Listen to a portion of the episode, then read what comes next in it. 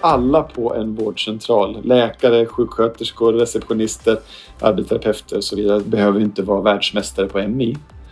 Jag tycker dock att alla som träffar patienter borde ha ett litet hum om det här förhållningssättet. De här positiva glasögonen och det här att inte kasta information på folk som inte vill ha den.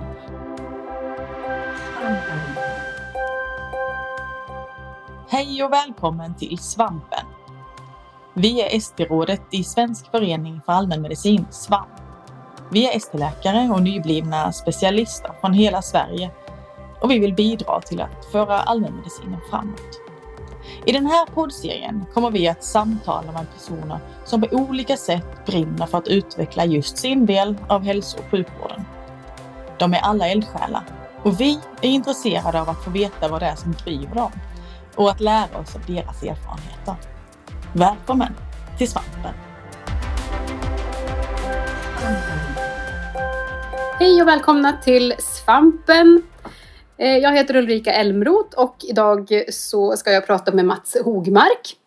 Du är distriktsläkare på Svärdssjö vårdcentral utanför Falun. Ja, stämmer bra. Eh, och i Region Dalarna så jobbar du som eh, MI-samordnare. Du har många års erfarenhet av att utbilda i MI och är också medlem i MINT som är ett internationellt nätverk för MI-utbildare. Precis, allt det där är jag. Ja, och säkert mycket mer också. Säkert mer också. Mm. Ja. Mats, berätta, vad brinner du för? Åh, massor med saker. Eh, på ett privat plan så brinner jag för körsång. Jag sjunger i en kyrkokör. Tycker att det är jättekul. Brinner för mina barn och jag brinner för barfotalöpning. Eh, lyssna på musik, lyssna på poddar, läsa böcker och sådana saker. Baka bröd. Wow, mm, ja. vilken mångsysslare. Riktig generalist. Ja, precis. Va? Och det är kanske därför jag har valt den här banan som allmänläkare också. Att jag, jag tycker att det är mycket som är roligt. Och jag gillar att ha liksom lite, jag ska inte säga många järn i elden, men det har jag ju för sig. Men jag gillar att tänka brett och få liksom förkovra mig i många olika saker. Mm. Tycker du att det kan det spegla av sig på varandra och ge eh, synergieffekter? Ja men verkligen alltså. Det, jag tycker att man som allmänläkare så är man ju förstås naturvetare men jag ser mig själv ganska mycket som en humanist också. Att, att det är mycket av, ja, men att, att, att ha de här relationerna med våra patienter det är ganska mycket av eh, att försöka förstå hur människor är. Till exempel genom att läsa böcker och se film och liksom tänka till hur det är folk och hur är jag och hur relaterar det till varandra. Så att nog hänger det ihop. Det tycker jag. Mm. Mm. Kul!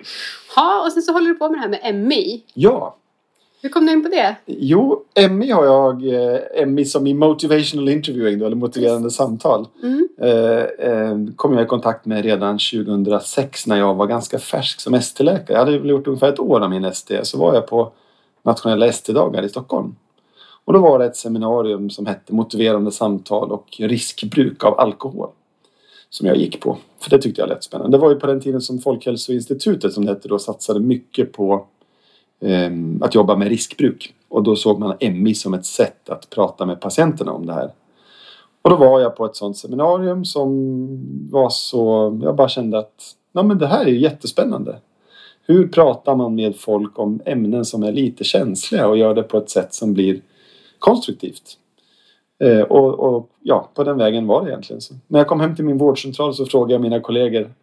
sa jag att jag har hört ett så bra seminarium. Får jag berätta lite vad jag, vad jag hörde? Ja, sa de. Så på ett läkarmöte så tog jag kanske 15 minuter och så berättade jag det lilla jag visste då. Och på den vägen blev det sen att jag liksom lärde mig mer om hur MI funkar i praktiken och sen har jag också blivit utbildare med tiden. Wow! Tänk vad som kan hända när man går på svams dagar Alltså man ska alltid gå på svams dagar ja. Verkligen. Ja, nej, men det, det, det, just att man, om man är lite nyfiken så kan man verkligen få nya perspektiv och det, så jag är evigt tacksam för de där dagarna 2006. Ja, och idag så har du stått på Svams dagar och undervisat just om MI. Ja, men det stämmer. Cirkeln är sluten. Cirkeln är sluten. Precis. Jättekul faktiskt. Ja, det var ja. väldigt uppskattat. Ja, ja, det verkade som att det fanns ett hög, en hög eh, aktivitet i rummet och folk såg ganska glada ut. Så jag hoppas att det gav någonting. Ja, mm. men berätta lite mer då. Alltså MI Motivational Interview, det låter ju som att det är något internationellt. Ja, precis. MI kommer ju ursprungligen ifrån USA kan man säga. Eh, en amerikansk psykologiprofessor. Jag, jag, kommer inte nämna så många namn men Bill Miller kommer vi liksom inte undan. Han är den som 1983 började fundera på varför hans patienter med alkoholberoende inte slutade dricka på det sätt som man kunde hoppas. Och sen så åkte han till Norge på ett sabbatsår och jobbade på någon klinik där och funderade och tänkte och finns det något annat sätt vi kan prata med våra patienter? Och där i Norge så jobbade han tillsammans med ett gäng norska psykologer och så började han tänka på det här med motiverande samtal och så skrev han en första artikel eh, 83 då. Och sen kom det in en sydafrikansk snedstreck brittisk psykolog Steve Rolnick som senare kom i kontakt med, med Bill. Och Bill och Steve är de som har skrivit alla läroböcker om MI. Så det kommer ursprungligen från, från beroendevården i USA och Steve Rolnick han kom mer från primärvården i England. Så det är liksom där det började en gång i tiden kan man säga. Mm. Och sen har det spritt sig och till Sverige kom det, tror jag någon gång i tidigt 90-tal egentligen, via kriminalvården faktiskt. Eh, som ett sätt att prata med de intagna som var mer, ja, mindre skälla på folk och mer försöka förstå folk. Helt enkelt. En kort, kort sammanfattning. Det låter ju sympatiskt. Ja, många tycker det faktiskt, att det är rätt sympatiskt. Ehm, att faktiskt lyssna på folk och se på folk med positiva ögon. Just det. Ehm, för det mesta. Och det, det, det, det gör skillnad. Mm. Mm. Så det är en samtalsmetod? Ja. Men vi har ju också konsultationsteknik, det finns KBT, det finns ju allt möjligt. Mm. Eh, vad är det som skiljer de här åt? Alltså de, I grunden så kommer de ju från samma personcentrerade förhållningssätt. Eh, som, som ju har funnits i många, många decennier. Alltså att man försöker tänka personen i centrum och lyfta vad är viktigt för dig och att man också ser på folk med, med positiva ögon som sagt. Så det, allt det där hänger ju liksom ihop. De här KBT och ACT och, och den konsultationsmetoden du nämnde, den här så kallade Kalymnos-modellen. Det hänger ihop alltihopa. Det som gör MI lite unikt är att MI har ett speciellt fokus på och det kanske vi kan återkomma till, men ett speciellt fokus på att försöka locka fram i vårt fall patientens, alltså individens egna mm, skäl för förändring. Att det handlar mycket om att försöka prata om förändring, alltså att få folk och hjälpa folk att växa. Att bli en lite bättre version av sig själva, om man så säger. eller kanske en mer hälsosam version av sig själva. Och MI försöker jobba väldigt mycket strategiskt med att försöka locka fram patientens så kallade förändringsprat. Alltså när patienten till exempel säger jag skulle vilja sluta röka. Det kallar vi för förändringsprat. Eller jag har ju gjort uppehåll tidigare när jag var gravid. Då höll jag upp ett halvår och det gick alldeles utmärkt. Det är också förändringsprat. Eller att man önskar någonting. Eller att man kanske säger att nu har jag bestämt mig. Nu ska jag, försöka, nu ska jag gå till Friskis och Svettis och kolla vad ett träningskort kostar. Sånt kallar vi för förändringsprat och MI försöker locka fram sånt. Mm. Hellre än att man säger till folk att så här borde du tänka. Så, ber man, så hoppas man att de själva ska säga så här tänker jag och försöka förstärka det. Mm-hmm. Men tänk om de inte säger det då? Ja, och så kan det vara. Men ofta så finns det, det finns många olika strategier som man kan använda sig av för att locka fram den här typen av eh, förändringsprat. För också en grundtes Emi är att människor vill sig själva väl. Majorit och det tror jag de flesta kan känna igen i vårt jobb, att majoriteten av våra patienter de vet saker de kan saker och de vill saker. De vill bli friska. De vill, många säger så här, jag skulle vilja sluta röka, men det är så svårt. Så att de flesta människor vill leva ett hälsosammare liv och så det gäller bara att försöka ge dem utrymme och prata om det helt enkelt. Ja, just det. Sen en del, då är det svårt och då kanske man får låta ämnet vila ett tag. Eller så hittar man på någonting annat. Och det, det, det finns olika sätt att jobba med det helt enkelt. Ja, är det ett sätt att, sortera ut också de som det är värt att satsa lite tid på för förändring? Ja, men så kan man säga. Eh, om man pratar med någon patient som säger eh, till exempel om man tar eh, alkohol då. vi vet ju att alkohol är en jätteviktig riskfaktor för en massa sjukdomar och bidrar till väldigt många sjukdomar. Om man lyfter en fråga om alkohol med någon patient som, och så säger den att äh, jag, jag vet att jag dricker lite för mycket men eh, jag, eh, Nej, jag är nöjd som det Jag tänker inte göra någonting åt det här. Då kanske man inte ska hålla på och kasta massa information på den patienten om hur farligt det är att dricka och man kanske inte ska försöka så mycket just där och då utan då kanske man säger att okej okay, så du vet att du dricker mer än vad som är nyttigt för dig och det är någonting som du just nu inte känner dig redo att prata om. Eh, den dagen som du känner att du vill prata om det här så kan vi väl ta upp det så du får gärna prata med mig om det. Så jag tänker att man kan faktiskt helt enkelt acceptera och låta det vara ett tag. Men man behöver inte ge upp. Man kan komma tillbaka till den frågan nästa gång. Mm. Nästa gång patienten kommer så säger man Förra gången pratade vi om, att du, om din alkohol och du sa att du tycker att du dricker lite för mycket. Och du var inte redo då att göra någon förändring och nu undrar jag lite grann vad tänker du om det nu? Och då är det inte helt ovanligt enligt min erfarenhet att patienterna kanske säger ja, ja men jag funderar lite grann på det här och jag, jag, förstår att det vore bra om jag slutar men det är bara att det är så himla svårt att dra ner. Och redan där har man lite förändringsprat. De har sagt jag vet att det borde vara bra att sluta, jag har funderat på saken. Så. Så att man behöver ju liksom inte ge upp. Och, men, men vi kan inte förändra folk från ena sekunden till nästa. Det kan bara de göra. Och ME är ett jättebra sätt att kanske så ett litet frö till förändring som sen så småningom kan få blomma och ja, växa. Mm. Men då låter det som att det bygger på att man har en långsiktig kontinuitet och ganska gott om tid. Ja, det första skulle jag säga stämmer, kontinuitet. Det har vi också pratat om idag på ST-dagarna, vikten av kontinuitet. Tid skulle jag inte, det är inte ett krav tycker jag. Det, nej, vi håller ju mycket kurser i, i Region Dalarna i motiverande samtal för all möjlig sjukvårdspersonal. Och, och, en farhåga som många brukar ha är att men det här verkar ta så mycket tid, det här kommer jag aldrig att hinna. Jag har så mycket redan som jag måste göra. Och, och där skulle jag ju då vilja säga att snarare så är det tvärtom. Att om man använder sig av det här förhållningssättet. Vi kan prata om det här att det är både ett förhållningssätt och en verktygslåda. Men om man använder sig av det här förhållningssättet så är det snarare så att jag tycker man har en möjlighet att göra rätt saker med rätt patient vid rätt tidpunkt. Mm. Och inte tvärtom. Ja, det låter ju väldigt hjälpsamt. Ja, och, och det behöver verkligen inte ta lång tid. Alltså, det kan handla om, som jag sa, att väcka frågan på ett sätt som gör att patienten själv får upptäcka och upp, kanske känner sig plötsligt inser att herregud, det här borde jag göra någonting åt. Jag har inte tänkt på det på det viset förut.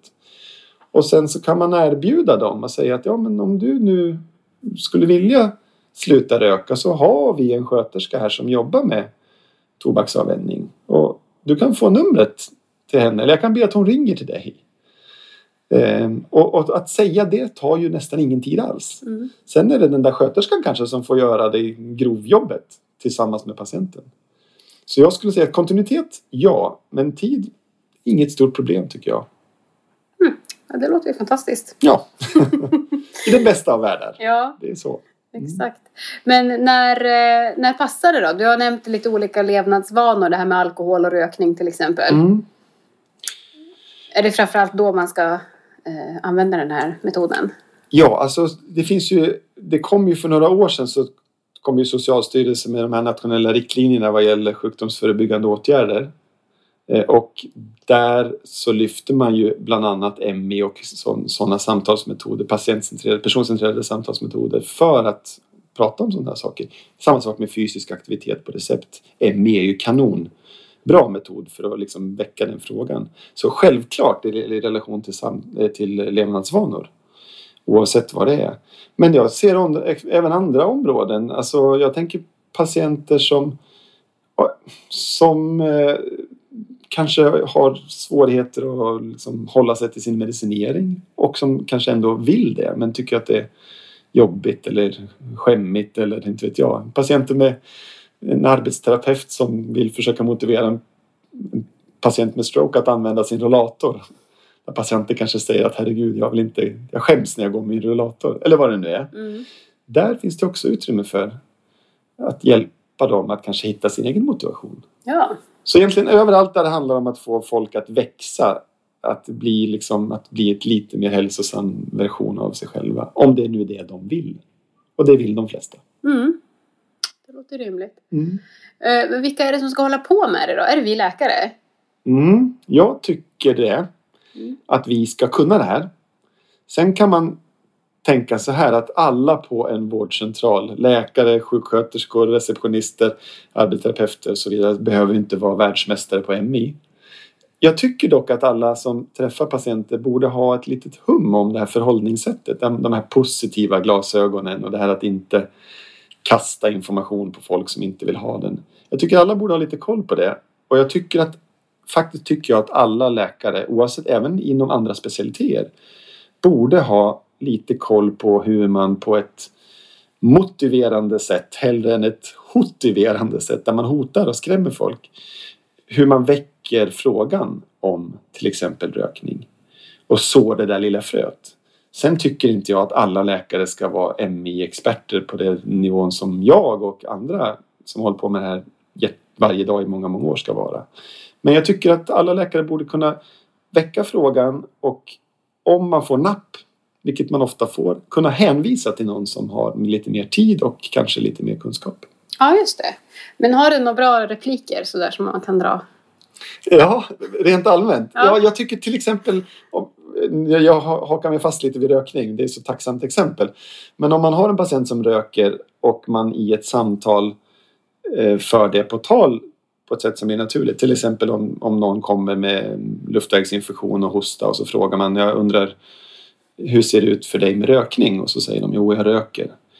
Istället för att fråga, har du tänkt sluta? Det är en bra fråga. Eller fråga, har, har du eh, provat att sluta någon gång? Eller skulle du inte behöva sluta? Så istället för att fråga det så kan man bara göra en enkel fråga och fråga, hur tänker du kring det? Hur ser du på din rökning? Alltså ställa en öppen, nyfiken fråga utan att det låter dömande. Därför att då kommer folk att säga, och det här säger jag för att jag vet att det är så. Då kommer nästan alla att säga "Ah, jag vet att jag borde sluta. Det, det är ju inte klokt att jag håller på på det här viset. Jag, särskilt jag som har astma och allt. Men eh, jag är så rädd för att gå upp i vikt. Eller det är så svårt. Eller jag har provat förut och det jag bara trillar dit igen. Så att bara ställa en sån fråga. Hur ser du på det här? Eller vad tänker du om? Då blir folk tvungna att tänka och ge, sätta ord på det de tänker. Och då får man nästan alltid något sånt här förändringsprat. Ofta kommer det där andra också, alltså de här argumenten mot att sluta. Men, men eh, då kan man säga så du, du, du tänker att det skulle vara svårt att sluta röka. Du kanske skulle gå upp i vikt. Och samtidigt så känner du att du verkligen borde göra det därför att du har astma och bla bla bla, allt vad de nu har sagt. Du skulle vinna mycket på, med din hälsa, om de nu har sagt det. Alltså man försöker plocka upp de här små fragmenten av eh, Ja, inspiration att göra Ja. något annorlunda. ja det så kallade förändringspratet. Mm. Mm. Att hör man det så bara lyft det Mm. och kasta tillbaks det till patienten. Mm. Om någon säger jag borde nog ta tag i det här. Då kan man säga så du känner att det är dags att göra någonting åt det här. Man liksom bara kastar tillbaka det. Då kommer de att prata mer om det. Mm. Det är så enkelt. Ja, just det. Men du jobbar ju också som utbildare på konsultationskurser i Mm. den här patientcentrerade eh, konsultationstekniken. Det stämmer. Som många av våra kollegor använder. Ja. Ehm, liksom, hur får man ihop dem? Ja, men de passar ju väldigt bra ihop. Den, den metoden bygger ju också på samma personcentrerade förhållningssätt och mycket av samma typ av eh, verktyg. Alltså att ställa öppna frågor och vara intresserad av sin patient och att eh, bekräfta och, och hela den biten och göra sammanfattningar och spegling eller som det heter i, i Kallis, den så kallade Kalymnosmodellen kallar man det för kvitton. Vi kallar det för reflektioner eller speglingar. Så det är väldigt mycket samma. Eh, det som delvis som, som skiljer dem åt lite grann är att MI har ju ett fokus på att försöka hitta eventuellt förändringsprat kring en, ett beteende. Och i, i, den här andra modellen så det är ju inte alltid det finns ett, ett, finns ett sådant utan där kanske patienten kommer och säger att jag har ont i huvudet och jag är orolig att jag har en hjärntumör Mm. och jag vill ha en skiktröntgen. Och, och där finns det ju inte något förändringsprat egentligen utan där handlar det om att vi förhoppningsvis ska kunna stilla oron. Så det är ju väldigt en, en patient-läkarrelaterad konsultationsmetod. Men jag brukar tänka lite grann som så att jag går in, jag använder ju den metoden också i alla mina patientmöten. Jag tycker det är jättebra att fråga vad de tänker om, vad de är oroliga för och vad de vill och sånt där. Det här vet jag att ni har haft en podd om tidigare. Eh, men jag är också, har ju min MI-radar påslagen även där. Så om det då är i det här exemplet med en patient som är, har huvudvärk och är orolig för hjärntumör. Då kanske det är så att man i liksom den gemensamma delen på slutet kommer fram till att det är inte en hjärntumör. Det här är mest sannolikt spänningshuvudvärk. Och om jag då tänker att det skulle kunna bli bättre om du som patient blev lite mer fysiskt aktiv eller gick till en sjukgymnast, fysioterapeut. Då kan jag koppla på min MI-strategi lite mer. Om nu patienten själv inte är så sugen på det så kan man säga men så vad tänker du om det? Har, det finns ett samband mellan din huvudvärk och att du är, inte är så aktiv rent fysiskt. Vad tänker du om det? Och då kanske de säger ja, jag vet att det är så. Jag kanske borde göra någonting åt det. Där har man ett förändringsprat och då kan man jobba med det. Och då kanske man bara gör det i en eller två minuter eller någonting sånt. Bara återigen väcka tanken. Mm. Och sen kanske utfallet av det mötet blir en remiss till sjukgymnast. Och då så är många sjukgymnaster är också jätteduktiga på MI. Ja. ja. Utbildade hos dig? ja, en del är utbildade hos mig. Mm. Okej. Okay. Ja, men alltså man har ju ofta en del råd som man ändå vill förmedla till patienterna.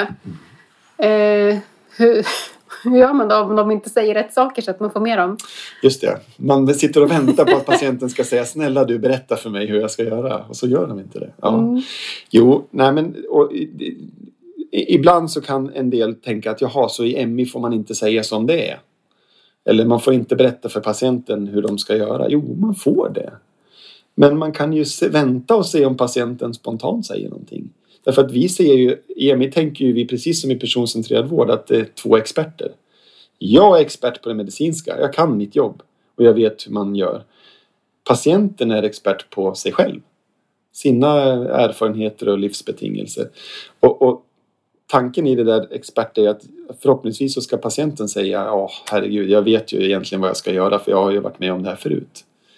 Och då är det, om de säger det så är det perfekt. Va? Om de nu inte säger det så har, jag en, har vi en strategi som jag tycker är väldigt bra mm. och respektfull. Och det är att man, att man ber om lov. Ah. Faktiskt. Det tycker en del läkare är lite svårt. Man tänker att herregud, jag måste väl få säga som det är. Mm. Och det får man. Men man kan ju respektfullt säga till patienten Okej, nu, nu har ju du ont i, i huvudet här och vi har kommit fram till att det nog beror på spänningshuvudvärk. Är det okej okay om jag berättar för dig hur jag tror att du skulle kunna komma till rätta med det här? Och då kommer nästan alla patienter förstås att säga ja. Mm. Därför att de kommer ju med sina besvär. Va? Och så säger man det. Okej, okay, så det finns en hel del strategier. Jag är lite nyfiken på, har du någon koll själv? Vad vet du själv? Man utforskar. Och då kanske de säger ja, ja men massage, det tror jag skulle vara bra om man har spänningsverk. Ja, massage, det är en sak. Är det någonting annat du vet? Ja, jag tänker kanske man skulle träna lite grann. Och då kan man prata om det och bekräfta det. Och sen kan man säga så du vet att massage kunde hjälpa avspänning och lite träning. Jag tror att det vore bra om du gick till en sjukgymnast. För de är experter på det där med träning och ibland kan de också ge massage. Och de kan också ge dig tips vad gäller hemträning och hållning och sådana saker. Det vill säga, då erbjuder man anpassad information. Mm, alltså man måste inte vänta på att patienten kommer med exakt rätt svar. Verkligen inte. Nej, Nej. De har ju också kommit till oss för att de vill ha vår expertis. Mm. Och det, då tycker jag att vi ska ge dem det. Mm. Men man kan sitta lite på händerna. Ja. Och inte mm. vara så ivrig. Utan faktiskt, för ofta så vet patienterna jättemycket. Eh, och då tycker jag att det är bättre att de får säga det själva. Mm. Och vi kan återkomma till varför det är bättre. Nej men berätta nu. Ska jag göra det? Ja. ja. Jo, därför att det är så att mycket den evidens som finns kring EMI som är det finns en ganska solid evidens för ME som jag inte tänkte gå in på nu men det finns bland annat studier som visar att det patienten hör sig själv säga mm. har mycket större betydelse för vad de sen gör än det som du Ulrika som doktor säger åt dem att göra. Mm.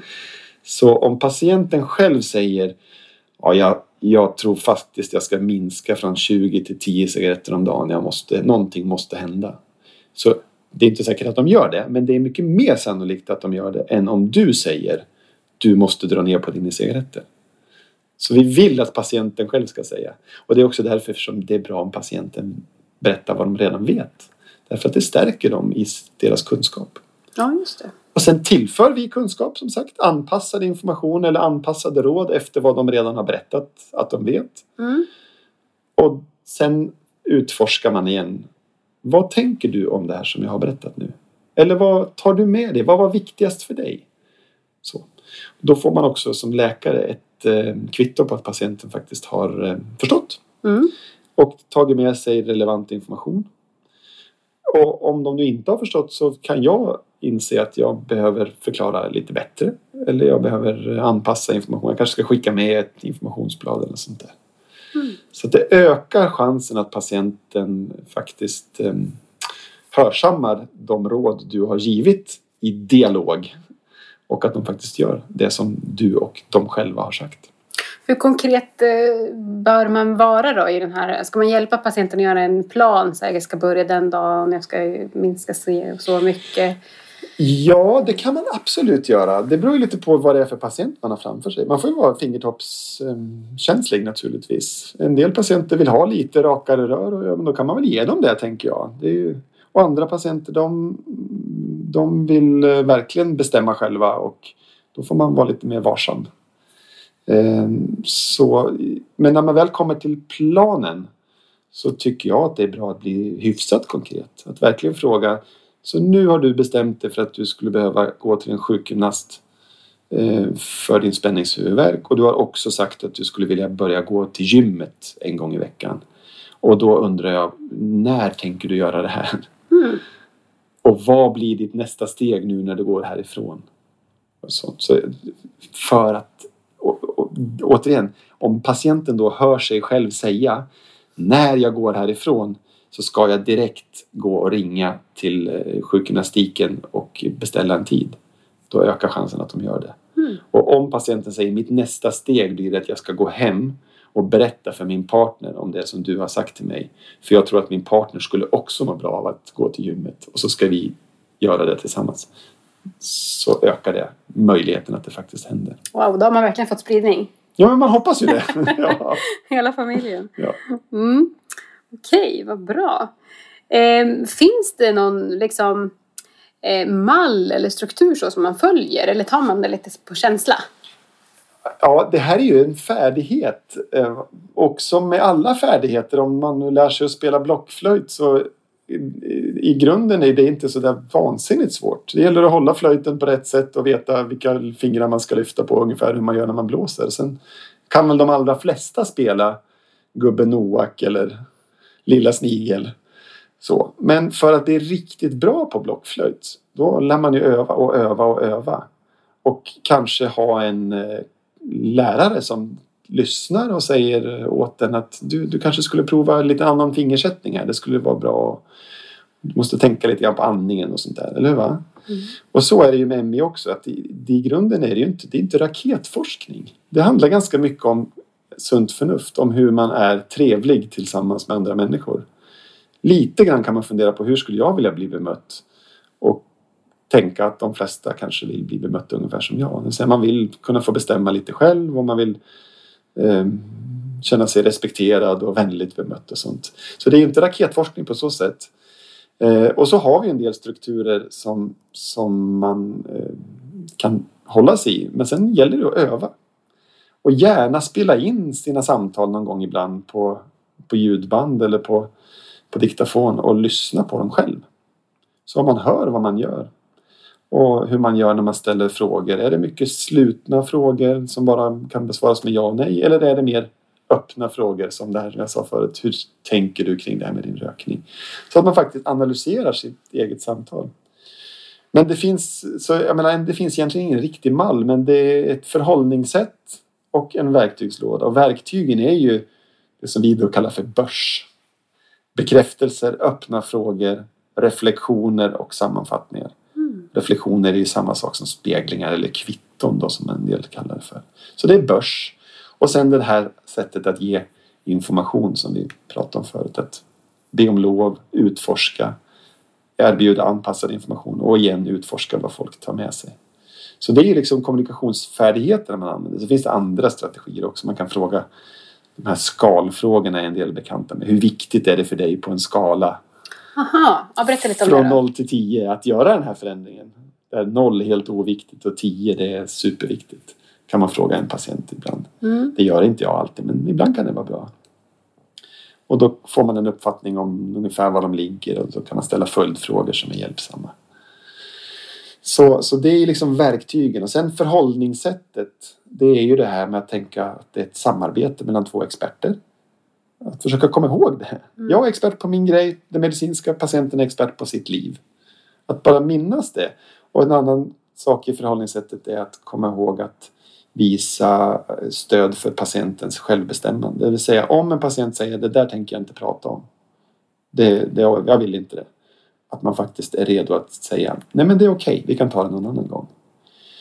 Eh, och också visa acceptans för folk, att folk inte alltid gör det de har sagt att de ska göra. Att inte hålla på och skälla på folk eller döma folk utan säga att ja, det blev inte som du hade tänkt dig det här med din diabetesmedicin. Och, och så kan det vara. Hur ska vi göra för att det ska bli bättre till nästa års kontroll? Mm. Det ligger inom det här acceptansbegreppet. Och sen också att det här med att locka fram, som vi sa förut, att försöka få patienten att själv säga sina bevekelsegrunder för en eventuell förändring. Vad de vet om saker, vad deras motivationsfaktorer är och hur de har det och hur de skulle vilja ha det. Eh, En, en kollega till mig säger att en motiverande samtal det är att få prata med sig själv en liten stund om hur man har det och hur man skulle vilja ha det. Mm. Och att göra det i närvaro av en, en eh, engagerad lyssnare. Mm. För ofta så vet patienterna ganska mycket själva. Ja, men tänk om de blir så överentusiastiska och gör värsta orealistiska planen. Ja, och, ja, och det händer va? Ja. Åh, nu ska jag sluta med det här och börja med det här och så va. Man tar allt på en gång och då kan det ju vara bra att ställa någon slags fråga. Okej, så du är verkligen på gång. Du skulle vilja göra många förändringar. Och det, det låter ju jättespännande. Jag undrar lite grann hur, om det nu inte blir som du hade tänkt. Hur gör du då? Det kan vara bra att fråga det. Mm. Konsekvensfråga. Och då kanske de säger Ja, ja, om det nu inte blir så att jag klarar av allt det här så ska jag åtminstone sluta röka. Ja, fint. Då vet man det. Mm. Så, och så kan man ju också hjälpa folk. Och, man kan säga, är det okej om jag berättar vad jag tänker om dina planer? Och då säger de säkert ja. Och då kan man säga, det kan vara bra att ta en sak i taget. Ja. Vad tror du om det? Och då kanske patienten säger, ja, det har du rätt i. Jag, jag börjar med det här med rökningen och sen så kan vi väl följa upp och så får vi se hur det går. Och funkar det, då, då ska jag nog börja gå och träna på Friskis också. Så. Så. Men en del de vill testa allt på en gång och en del lyckas med det också. Ibland blir man förvånad. Mm. Ja, och där återigen, där är kontinuiteten viktig. Mm. Att man har möjlighet att fråga efteråt. Hur gick det? ja, just det. Men om man inte har möjlighet att jobba med kontinuitet då? Är det, då är det ingen mening? Jo, det har betydelse. Mm. Men, eh, men även eh, om jag träffar... Jag, jag tycker så här. Även om jag träffar en annan läkares patient på en akut tid så är det ju även på en vårdcentral med god bemanning. Om jag träffar din patient på en, en tonsillitbesök och jag vet inte hur du brukar göra men jag tycker ofta vid tonsilliter så brukar det ändå öppnas ett möjlighet att fråga lite allmänt hur är det med sånt som rökning och annat för att det vet man, ja, luftvägsinfektioner och hals och sånt där. Det kan ju finnas ett samband ibland. Om då patienten säger jo jag röker och jag då säger ja men vad tänker du om det? Och så säger de ja jag vet att jag borde sluta. Och så kan vi kanske prata om det en halv minut eller en minut. Och så kanske jag så säger att ja om du vill ha hjälp med det här så kan, kan du prata med din ordinarie doktor. Eller jag kan skicka ett meddelande till hen om att du har varit här och att du skulle vilja prata mer om det. Jag kan boka in en telefontid. Så, Mm. så då, då är det inte så viktigt egentligen. Man kan så det där lilla fröet även om jag aldrig mer kommer träffa patienten. Mm. Så det är aldrig liksom onödigt? Nej. Mm. Och jag tycker även på, jag har ju undervisat även för eh, folk som jobbar på, i slutenvården på akuten. Mm. Och jag tycker även där, om man nu har alla akutbesök är ju inte livshotande. Mm. Har man då ett akutbesök där det visar sig att det finns en sån här levnadsvana som man tror skulle ha en stor avgörande positiv effekt för patienten så kan man ju fråga om man får prata om det. Och då säger de sannolikt ja och då kan man ge ett kort råd i, på sånt här patientcentrerat sätt och fråga vad tänker du om det här rådet? Mm. Och sen så behöver jag aldrig träffa den där patienten igen. Men kanske är det så att, de, att det väcker en tanke hos dem som gör att de efter två månader hör av sig till sin husläkare och säger att du jag har funderat, jag träffade en doktor på akuten som frågar mig om det här och nu, ah, jag tror jag behöver göra någonting åt det här. Kanske. Mm. Det kostar ju väldigt lite tid. Mm. Och det är generellt sett bra för de flesta relationer mellan patient och läkare att ha den förhållningssättet. Just det. Mm. Ja, ja, vi hade ju tänkt att vi skulle ge oss på att göra ett litet exempel. Ja, är du sugen? Ja, Ja. Jag har funderat ut en liten grej här. Mm. Okej, Mm. så då har vi pratat om att försöka göra ett litet, en liten emo- demonstration, MI-samtal här, tre, fyra minuter, kanske fem minuter eller sånt där. Bara för att ge en liten smak Mm. av MI. Och det kan vi säga till lyssnarna att det här är en smak av MI. Och MI kan vara jättemycket mer och det kan också vara betydligt mindre än det här. Så testa och se då. Mm. Och då är du dig själv nu Ulrika. Ja, med vissa modifieringar. Med vissa modifieringar. Ja, precis. Vi får väl se hur det utvecklar sig. I, I våra kurser så brukar vi prata om roleplay och Ja. real play. Roleplay då spelar man en roll och real play då spelar man sig själv. Mm. Och det kan vara en modifierad version av sig själv för Mm. all del. Mm. Så. Okej, så att nu kommer du till mig. Jag är din doktor och du är, eller jag är en samtalsledare och du är en person som har en sak som du funderar på att förändra Mm. men inte har tagit tag i Mm. ännu. Bra. Så, okej Ulrika, berätta, vad är det du vill eh, prata om? Ja, det är så här att jag har kommit av mig med alla mina goda vanor. Aha, Mm. Eh, och så, ja, i, I sommar så har jag varit nygravid och mått väldigt dåligt och varit jättetrött och ja, inte orkat något annat än möjligtvis ta en liten promenad ibland. okej. Eh, Så allt har gått ut för. Ja, Och jag brukar ju vara en ganska aktiv person, jag har tränat med personlig tränare och liksom, ja, ha olika liksom, struktur på saker och ting. Men Mm. nu så har allt det bara försvunnit. Och på aha, de här månaderna så, ja, jag måste ju börja om från början tror jag. ja. Så du är en person som brukar vara ganska aktiv fysiskt och du tycker om att vara det det, det får dig att må bra. Ja, Och nu har du, du är tidigt gravid och, och du har tappat lite bort det där som du tycker om att göra. ja nu mår jag ju bättre. Ja, Så att nu borde det ju finnas lite potential. ah, Men jag har kommit ur alla vanor. just det. Så de där vanorna som, som har funnits där, de har liksom försvunnit lite grann. Och du skulle vilja hitta tillbaka till dem? Ja, Ja, har jag förstått det rätt då? ja. Mm, Okej, vad bra.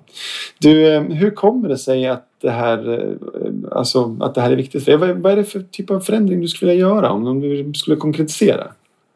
Ja, men till exempel så, ja, men som jag sa, jag har ju tränat ganska mycket förut. Ja, Och liksom följt ett träningsprogram och, och eh, haft en PT i perioder också Ja. som jag har liksom tränat med och så.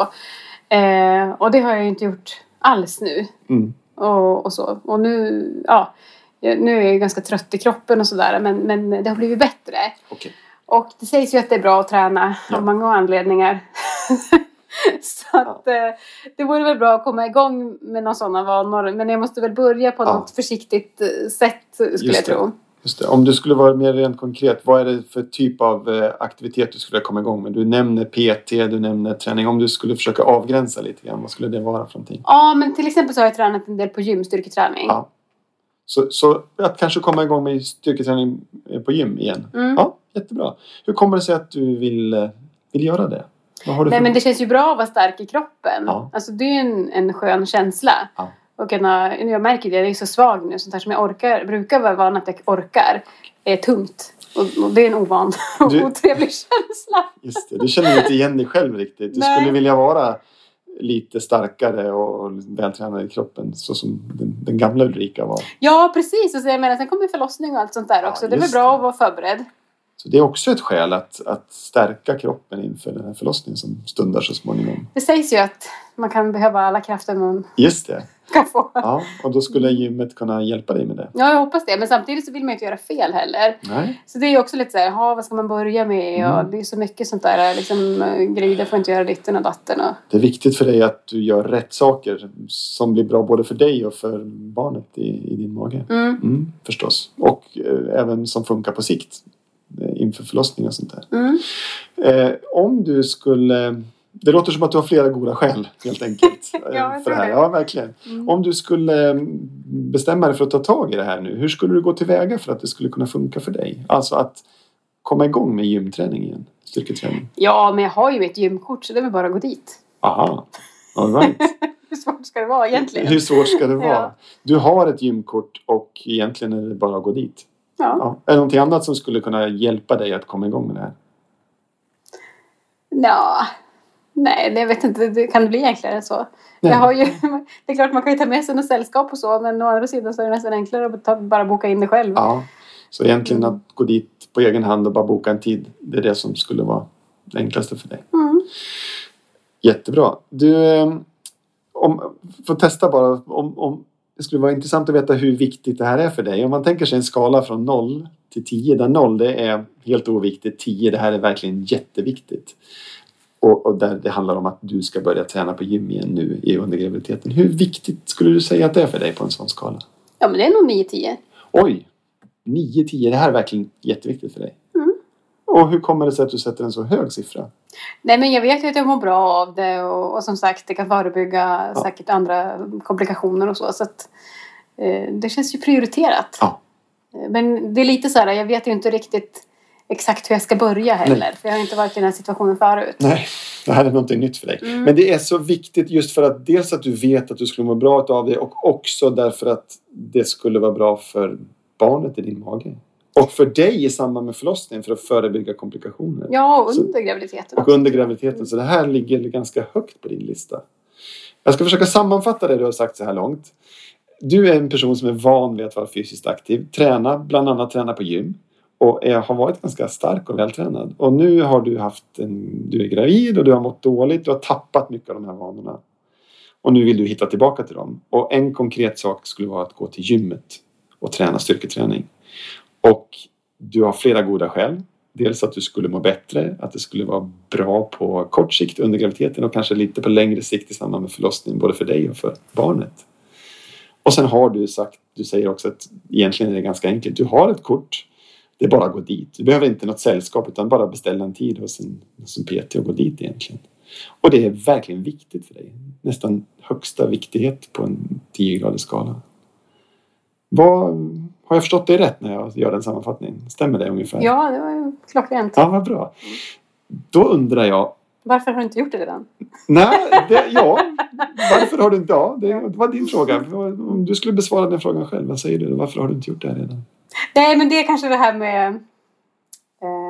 Nu förstörde jag ju exemplet här, men jag kan inte hålla mig. Nej, men det är väl det här med att jag inte riktigt har vetat vilka övningar är säkra och sådär. Men det är väl klart att jag kan väl träna överkropp eller någonting och bara gå dit. Ja. Ja. Mm.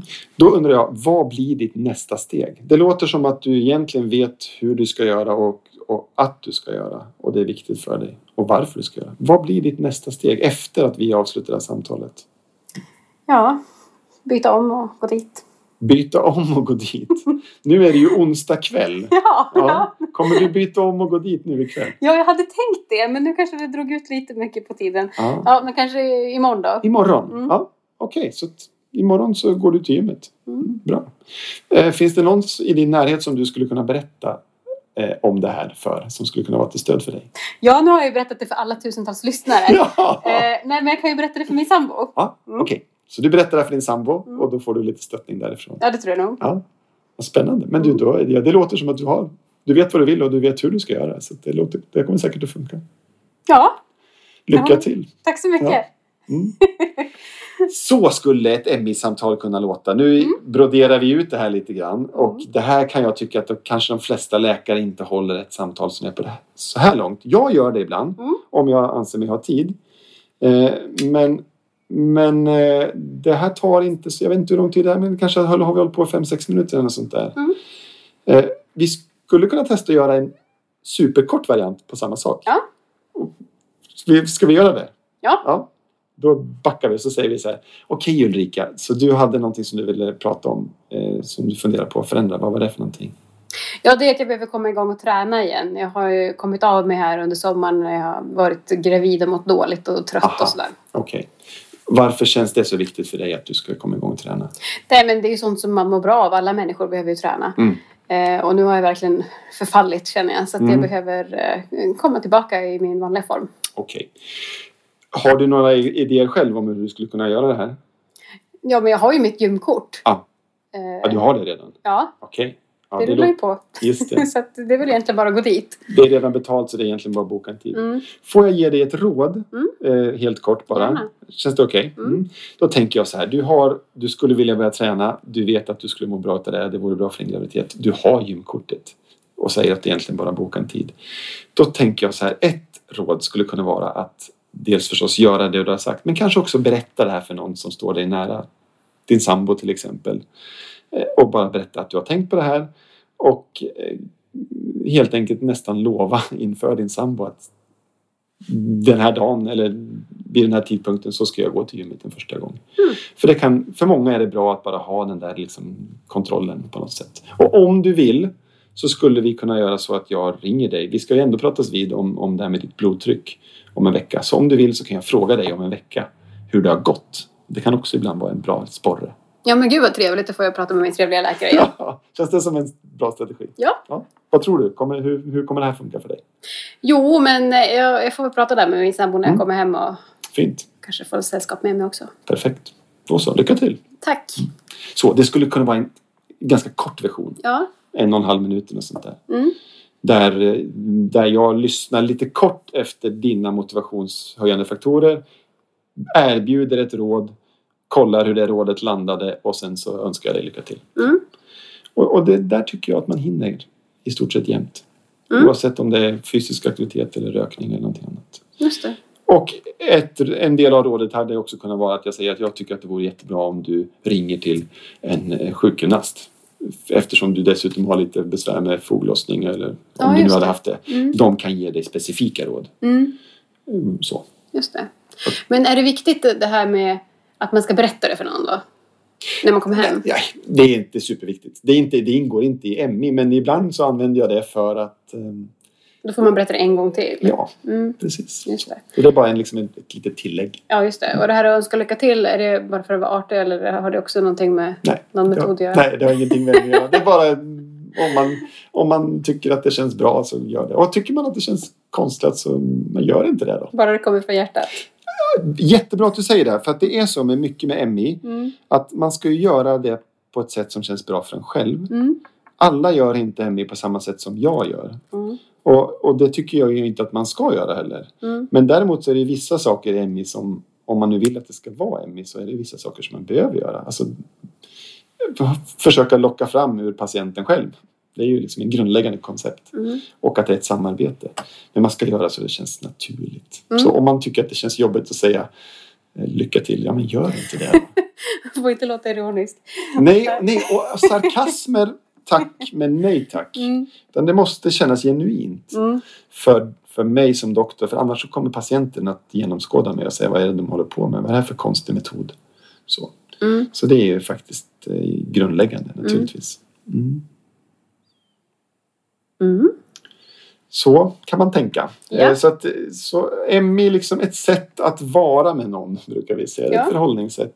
Och det finns verktyg, varav vi har visat upp några nu, att ställa öppna frågor och spegla det man säger, göra en sammanfattning, använda sådana här skalor och att bekräfta. Och det här med att be om lov för att ge råd och sånt där. Mm. Eh, Så, så att jag tycker att för mig, jag har ju använt MI dagligen i alla mina patientmöten. Det kan jag verkligen ärligt säga sedan maj 2006. Wow. Eh, Plus att jag också undervisar i det här så det här är ju liksom mitt professionella liv. Och jag tycker att det är otroligt användbart. Eh, Både för mig själv och för... eh, Jag ser att många av mina patienter tycker verkligen om att bli samtalade med på det här sättet. Mm. ME är ingenting man gör till, alltså gör på. Det, det översätter sig dåligt. MI, you don't do MI on someone. Nej. Or to someone, you do it with someone. Mm. Så man gör MI, så är MI någonting man gör tillsammans med patienten. Det är, det är liksom ingenting man kastar på folk. Nej, just det. Och du hade det fina citatet också från Rolnik. Just det, ehm, eh, precis.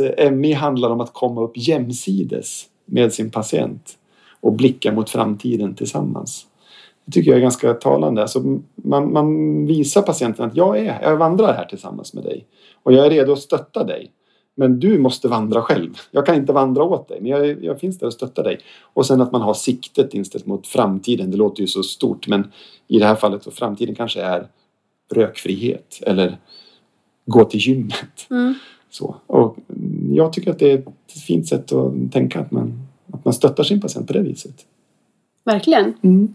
Men är det användbart även i andra sammanhang än just patientsituationen? Absolut. Om nu MI är ett sätt att vara med någon som vi som jobbar med det här hävdar Mm. så är det ju, och, och som sagt MI används ju inom alla möjliga. Jag, jag nämnde kriminalvård förut. Socialtjänst, skola, äldrevård. Eh, överallt egentligen. Jag har undervisat i, i socialtjänst och eh, massor med olika försäkringskassa, arbetsförmedling. Mm. Så tycker vi att det här är ett sätt att prata med folk när det finns, eh, finns ett sånt här, en sån, form av beteendeförändring som kanske ska till. Eller ibland organisatorisk förändring också. Så, att, så det som är lite spännande nu är att det är en, en ganska stor utveckling med MI för chefer Mm. och MI och ledarskap. Mm. Så bland annat så har vi i Dalarna nu haft, precis haft en kurs för medicinkliniken i Falun. Är en väldigt stor klinik för nästan alla chefer där. Mhm. Där de vill lära sig att bli duktigare på ett motiverande ledarskap. Alltså att prata med sina medarbetare på det här sättet som vi har försökt illustrera lite grann. Att, att bli duktigare på att lyssna och locka fram hur folk tänker och fråga vad de redan vet. Och istället för att ställa sig på en arbetsplatsträff och berätta att nu är det så här, nu ska vi göra så här. Det har kommit direktiv, bla bla bla. Så kanske säga att det har kommit direktiv som vi behöver förhålla oss till. Och jag vet inte, jag undrar, vad vet ni om de direktiven?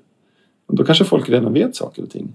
Och så kan man fråga, vad tänker ni om det? Och hur blir det för oss här på arbetsplatsen? Och, ja, det, det blir liksom ett sätt att göra folk delaktiga som jag tror är bra. Så det, det är väldigt spännande. Ja, gud vad intressant. Mm.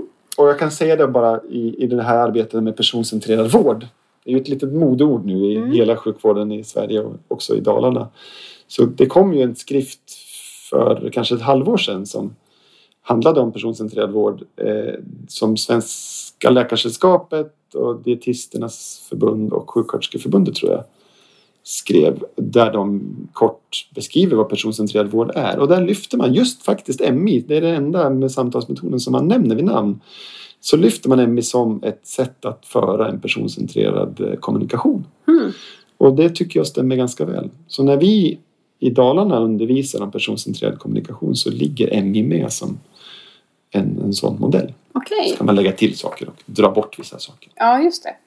Hur går det till då när man eh, går en sån här kurs? Mm. En typisk vanlig grundkurs i MI brukar vara tre dagar lång. Först är det två dagar som hänger ihop. Och sen så där man som s- övar mycket. Som sagt det här med rollspel eller real play ännu hellre när man spelar sig själv. Och så mm, övar man och man pratar lite grann om de här teoretiska grunderna och får uppleva en hel del själv i två dagar. Och sen brukar vi ha en månads uppehåll ungefär. Och sen har vi en uppföljningsdag till vilken man får spela in ett samtal med patient helst. Eller arbetskamrat eller anhörig, men helst patient. Och så får man analysera det utefter vissa MI-parametrar. Och sen får man lyssna på det själv och sen så pratar vi om det på uppföljningsdagen. För att, och, det, och det brukar ju vara jättebra för många. Jaha, Mm. är det så här jag pratar? Och en del blir positivt överraskade och tänker wow, vad, vad duktig jag var på att vara tyst och invänta patienten. Och andra tänker att oj, ja, det finns utrymme för förbättring. Alltid. Så det är grundkurserna i MI. Ja, just det. Finns det sådana här eh, MI-samordnare i varje eh, region? Ja, det gör ju inte det tyvärr. Eh, faktiskt. Det finns i flera regioner så har man en del aktiva MI-utbildare. Varav inte så många, men det finns några läkare som är MI-utbildare runt om i Sverige. Men i, och jag vill inte låta skrytsam på något sätt, men i Dalarna är vi faktiskt bäst i landet vad gäller att ha byggt upp en fungerande infrastruktur för MI-utbildning. Vi, jag samordnar en grupp om 15 MI-utbildare i vilken vi är tre läkare för tillfället. Och sen är det folk från alla professioner. Arbetsterapeut, sjukgymnast, eh, sekreterare, dietist finns med i min grupp. Mm. Så vi 15 håller all MI-utbildning i Dalarna. Både grundkurs och fördjupningskurs och ännu mer avancerade utbildningar. Så jag hoppas ju att det ska bli så på fler ställen runt om i Sverige. Att man inte förlitar sig på att ta in konsulter. Bara. Konsulter är jättebra. Jag eh, vet jättemånga som gör ett jättebra jobb men det är ju apropå kontinuitet. Mm. De finns ju oftast inte kvar i organisationen. Men vi står för kontinuiteten i, i Region Dalarna. Ja, just det. Har du några tips på någon eh, bok eller någon hemsida eller så där man skulle kunna läsa mera? Ja, det finns ju massor med böcker om MI. Eh, men om man ska vara... Det finns ju en tunn bok som heter Motiverande samtal i hälso och sjukvård som är skriven av Barbro Holm Ivarsson. Den är väldigt lättsmält. Den är, jag tror att den är på knappt 100 sidor. Den kan man titta i och ska man gå till urkunden så ska man ju läsa eh, motiverande samtal. Ja, nu vet jag, blir jag osäker på vad den heter. Hjäl att hjälpa människor till förändring. Mm. Men den är skriven av Bill Miller och Steve Rolnick. Den senaste upplagan som kom 2013, den finns översatt till svenska också. Den är ju förstås bäst, men den är också lite mer omfångsrik. Mm. Sen finns det ju egentligen hur mycket som helst. Man kan gå in på internet på motivationalinterviewing.org och läsa. Och eh, eh, man kan lyssna på poddar. Mm. Den här podden, men det finns även andra poddar som är jättebra. Det finns, jag själv medverkade i en podd som heter Beteendeperspektivet nu i oktober 2019. Där finns det ett par avsnitt där jag pratar lite grann med mig. Så. Och det finns många olika sådana. Så att, och vill man så eh, kan man höra av sig till mig Mm. eh, på min mejladress mats.hogmark snabel-a regiondalarna.se Perfekt. Du är väldigt aktiv på Twitter också. Dessutom, ja, Mm. där finns jag också. Mm. Där skriver jag om MI ibland och annat också. Ja, precis. Eh, ja, är det något annat som du tycker vi borde ta upp? Eh, nej, ja eller jag kan säga det borde man ha sagt från början. Men ME är ju inte lösningen på alla problem. Nej. Det är, attans, ja, då slutar vi nu. Nej, och det är lätt att jag som verkligen vet att det funkar är ju, blir väldigt entusiastisk. Men det ska också sägas att ibland kan man behöva göra andra saker. Eh, så, förstås. Men Mm. ME är väldigt bra för mycket och som sagt jag tycker att man kan ha det med sig i alla möten och ibland gör man, får man göra också andra saker. Grundkonceptet är att MI tillsammans med någon annan metod är det som ger bäst resultat. Så MI kan vara ett sätt att få en patient som står och velar lite och tvekar vad gäller att sluta röka. Det kan vara ett, ett sätt att få dem att sluta tveka och säga ja, jag vill sluta röka. Och då kan ju metoden vara, ja men då kan du få träffa vår rökslutarsköterska och kanske få lite information och samtal och kanske också något läkemedel. Det är metoden. Så MI plus en metod ger resultat. Mm. Ja. Allting blir inte bra bara för att man lyssnar på sina patienter på ett trevligt sätt. Även om mycket faktiskt kan bli bra. En del patienter pratar sig själva in i förändring. Mm. Det är nästan det häftigaste av allt. Verkligen. Jag Mm. har haft några sådana fall där patienter kommer tillbaka så säger de tack för eh, att alla råd jag fick. Nu har jag slutat. Ja. Och då vet jag att jag gav inte ett enda råd på det där samtalet utan det var de själva som gav sig alla råd. Det händer inte jätteofta men ibland händer det. ja, just det. Men är det någonting som man verkligen ska undvika? Ja, det ska man. Jag tycker, och det, finns det också studier på, Mm. ganska solida studier som säger att man ska inte varna och konfrontera. Mhm. Och det går lite grann emot vad många av oss inom sjukvården, läkare och andra gör. Vi säger, vi tänker, jag måste säga som det är. Om du inte slutar röka så kommer du dö i hjärtinfarkt. Så tänker vi att de ska sluta. Och en del gör ju det naturligtvis. Men ganska få gör det. Mm. Så då är det bättre att man, att man frågar vad tänker du själv om din rökning? Jag vet att jag borde sluta annars så kanske jag får en infarkt till. Och vem vet då hur det går? Så, så man ska inte varna och man ska inte konfrontera. Mer än kanske någon enstaka gång, men det finns alltid undantag till i alla fall. Men det vet vi. Och konfrontera, vad menar du då? Ja, att börja argumentera och käfta emot och liksom vara otrevlig mot patienten. Mm. Det, ja, det klarar man sig nästan alltid utan. Ibland är det svårt. Någon som säger jag måste ha bensodiazepiner nu annars dör jag. Ja, och så tänker jag att du ska inte ha någon benzo. Det kan ju vara svårt va? men då kan man... Det finns strategier för att göra det på ett bättre sätt. Mm. MI handlar inte om att ge patienten allt de vill ha. Mm. Verkligen inte. Nej. Men så man, att varna och konfrontera ska man helst undvika. Man ska också undvika att ge råd utan att ha frågat om lov. Ja, just det. Därför att vi vet att det väcker ofta motsatt effekt. Mm. Om jag säger du Ulrika, du borde faktiskt ta tag i det här med din träning nu. Du är ju gravid och du har massor att vinna på det. Så gå nu till gymmet. Om jag säger det utan att ha kollat om du var sugen på att höra det så är det stor risk att du gör tvärtom. Mm. Herregud, det där kan jag bestämma själv. Tänker du. Jag tänker inte gå till något gym. Så. Mm. Det vet vi. Och sen vet vi också att man ska inte låta patienten prata för mycket om alla saker som talar mot förändring. Ja. Om man har någon som dricker för mycket och så säger de jag vet att jag borde sluta, det skulle vara bra för mig. Men det är så himla härligt att vara, att vara lite på lyset. Jag tycker det är så himla skönt.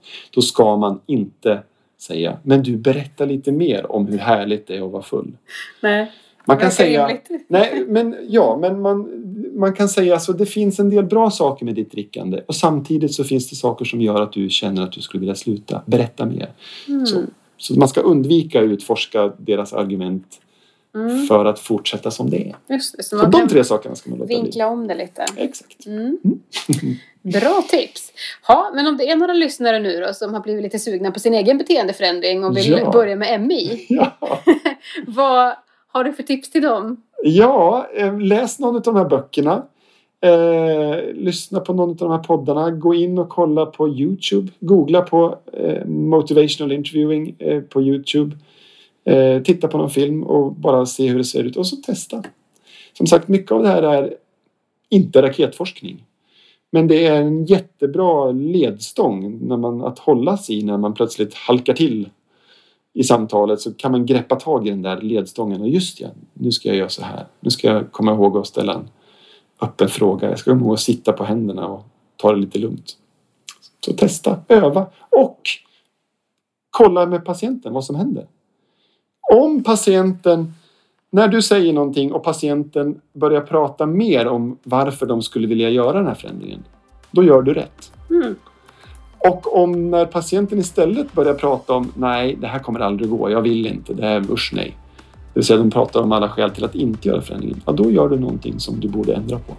Det är en väldigt bra barometer. Ja, det är lätt att... Så kolla vad som händer med patientens prat. Mm. Och försök att vara lite uppmärksam på det. Perfekt! Ja, men det var ju jättebra råd. Men då får vi väl eh, önska lyssnarna lycka till Ja, då. det gör vi. Ja. Lycka till! Ja, Ha det så bra alla där ute. Och tusen tack Mats Hogmark för den här poddintervjun. tack!